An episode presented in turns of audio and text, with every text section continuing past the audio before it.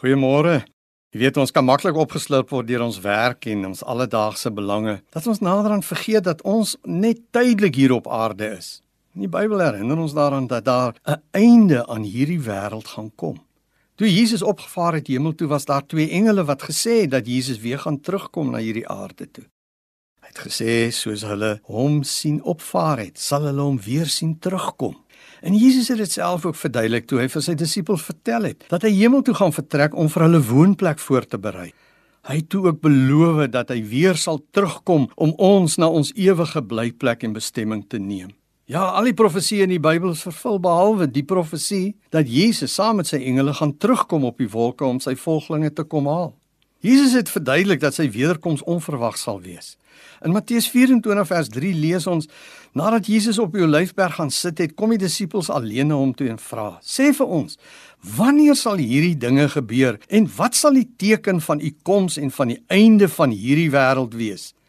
Jesus het ook verduidelik dat die wederkoms sal wees soos in die dae van Noag, toe hulle met mekaar getrou het en rustig geëet en gedrink het tot die water skielik uit die hemel en uit die aarde gebars het en almal op aarde verdelg is deur hierdie watervloed. Die Bybel maak dit nie duidelik wanneer Jesus sal kom nie, maar wys na die tekens van die tye. As die amandelbome bot dan het hulle geweet die nuwe lente seisoen is op pad. Soos daar ook in ons dagtekens wat ons sal herinner aan die tydelikheid van ons aardse lewe en die ewigheid in die hemel. Ons hoor daagliks van hierdie tekens van sy wederkoms waarna Jesus verwys het hier in Matteus 24. Daar is tans meer oorlog as ooit tevore. Een uit 9 mense ly honger omdat hulle nie kos het nie. Elke 10 sekondes sterf 'n kind as gevolg van ondervoeding en verwante siektes.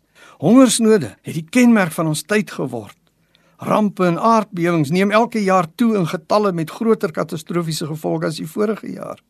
Jesus het ook verwys na die eindtyd wanneer Christene al meer vervolg sal word en mense afvallig sal word en nie meer tyd vir God sal hê nie en hulle liefde vir God sal afkoel.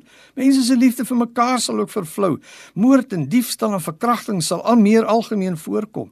Al hierdie tekens en herinneringe aan die wederkoms roep ons op om gereed te wees as hy kom.